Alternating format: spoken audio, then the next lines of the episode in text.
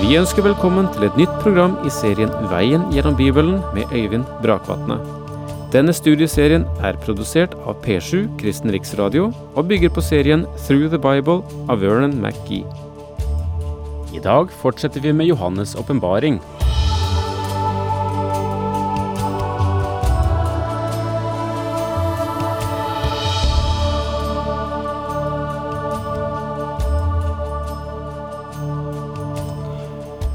Velkommen tilbake igjen til kapittel 18 i denne fantastiske Johannes' åpenbaring. En bok eh, som er uten sidestykke i historien. Der profetiske linjer møtes. Eh, profetiske linjer som går tusenvis av år tilbake i tiden og som markeres i Det gamle testamentet.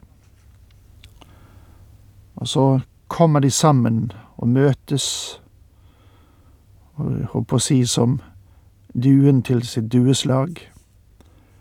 Og så får vi sluttvurderingen og sammenstillingen i åpenbaringsboken.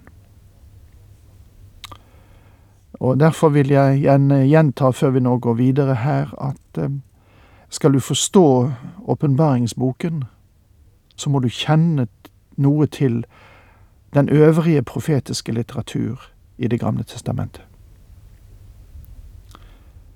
Denne boken kan ikke leses isolert.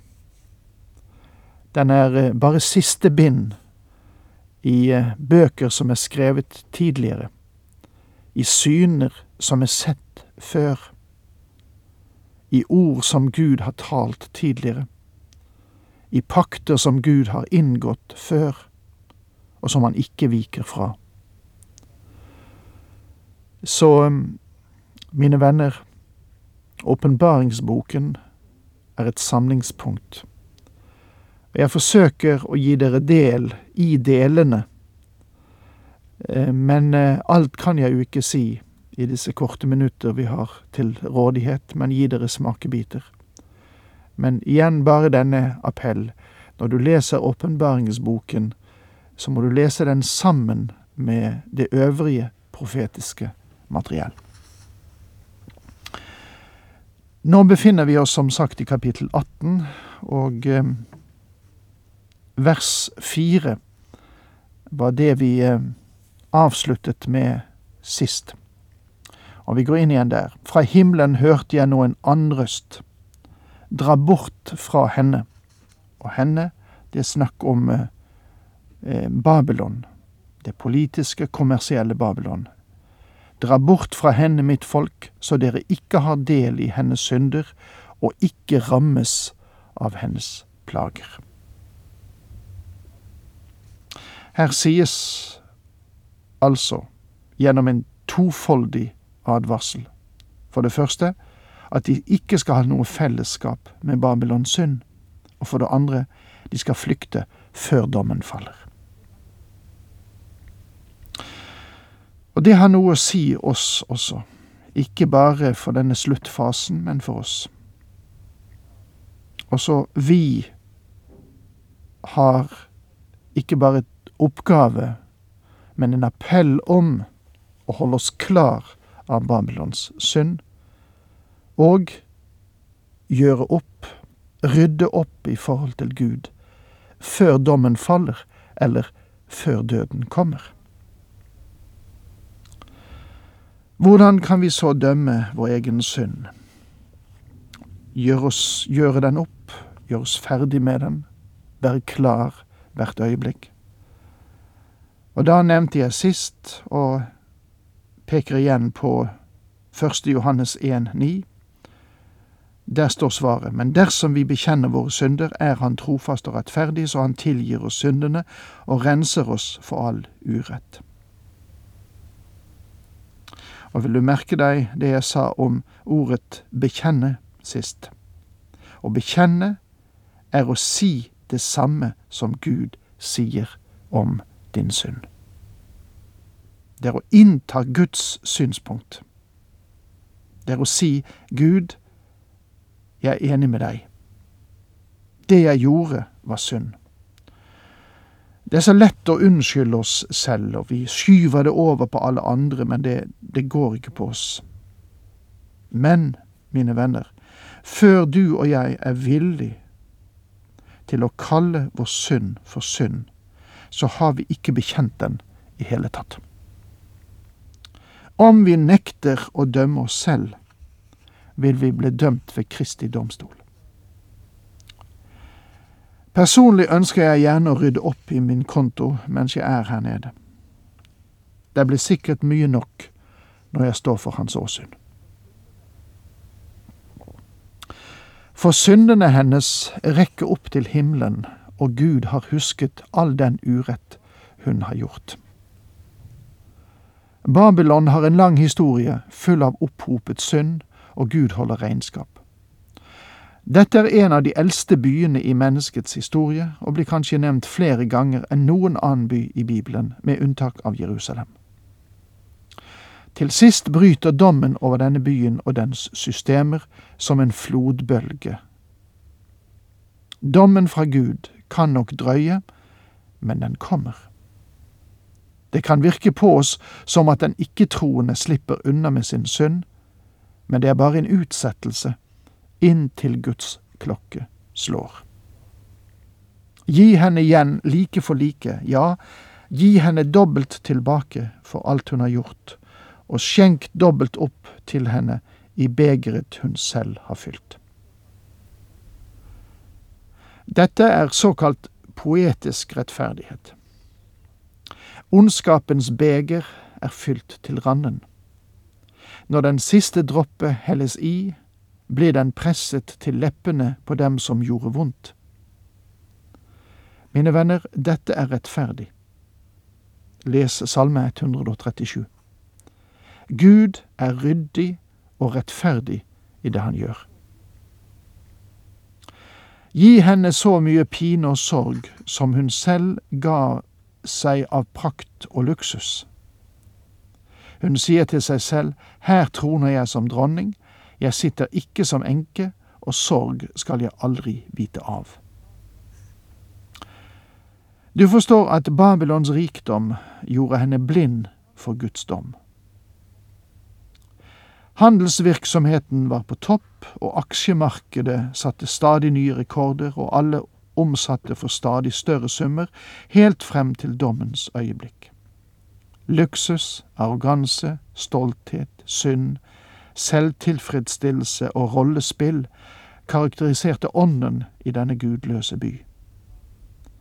Verdensfreden var innen rekkevidde, og optimisme markerte dagens ånd.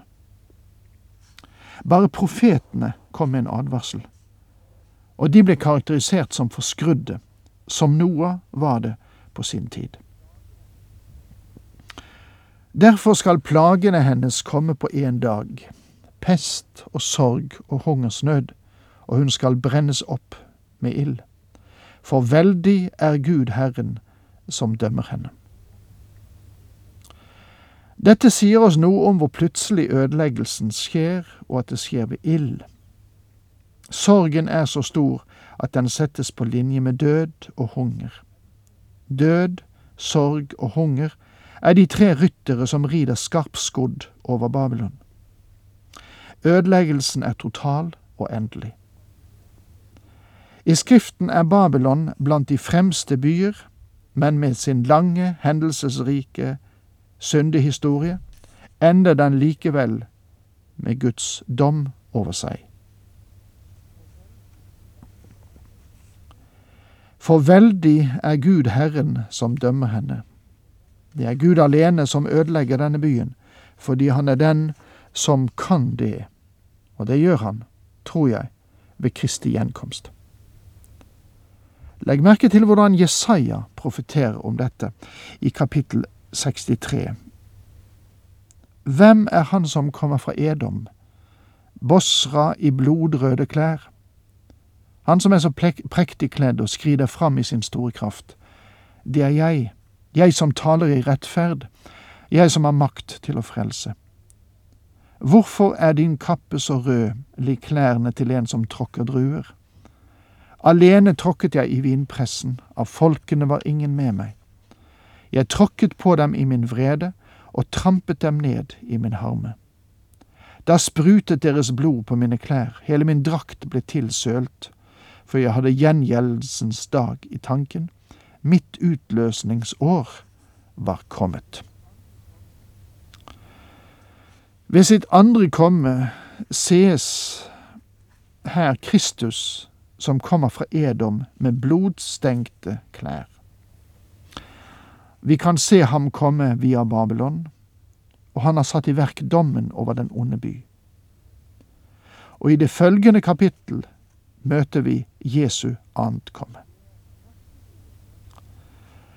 Det neste vi vil møte, er reaksjonen på ødeleggelsen av dette store sentrum.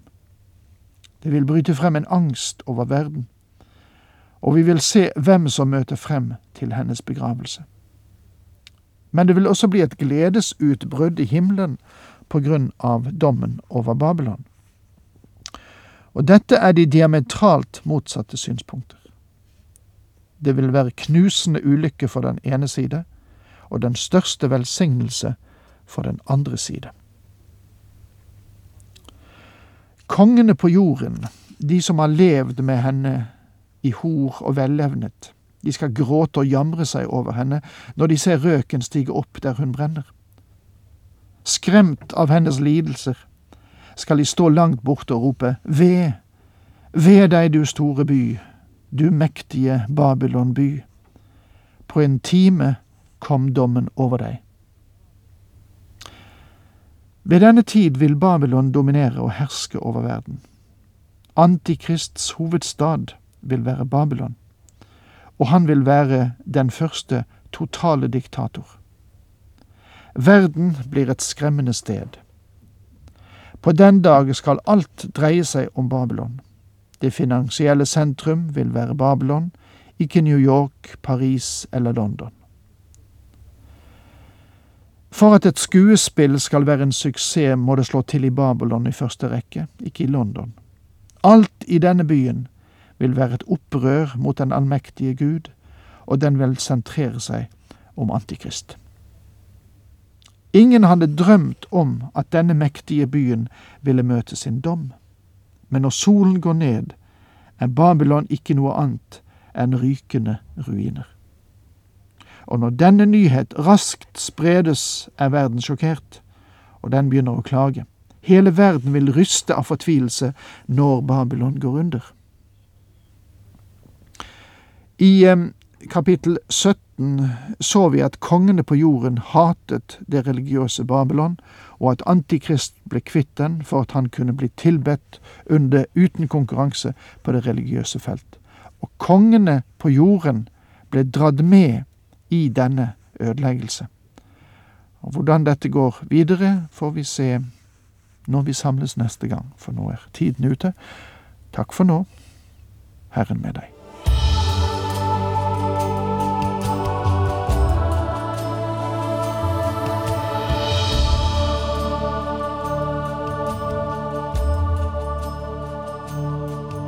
Du hørte Øyvind Brakvatne i studieserien Veien gjennom Bibelen. Serien bygger på et manus av Vern McGee.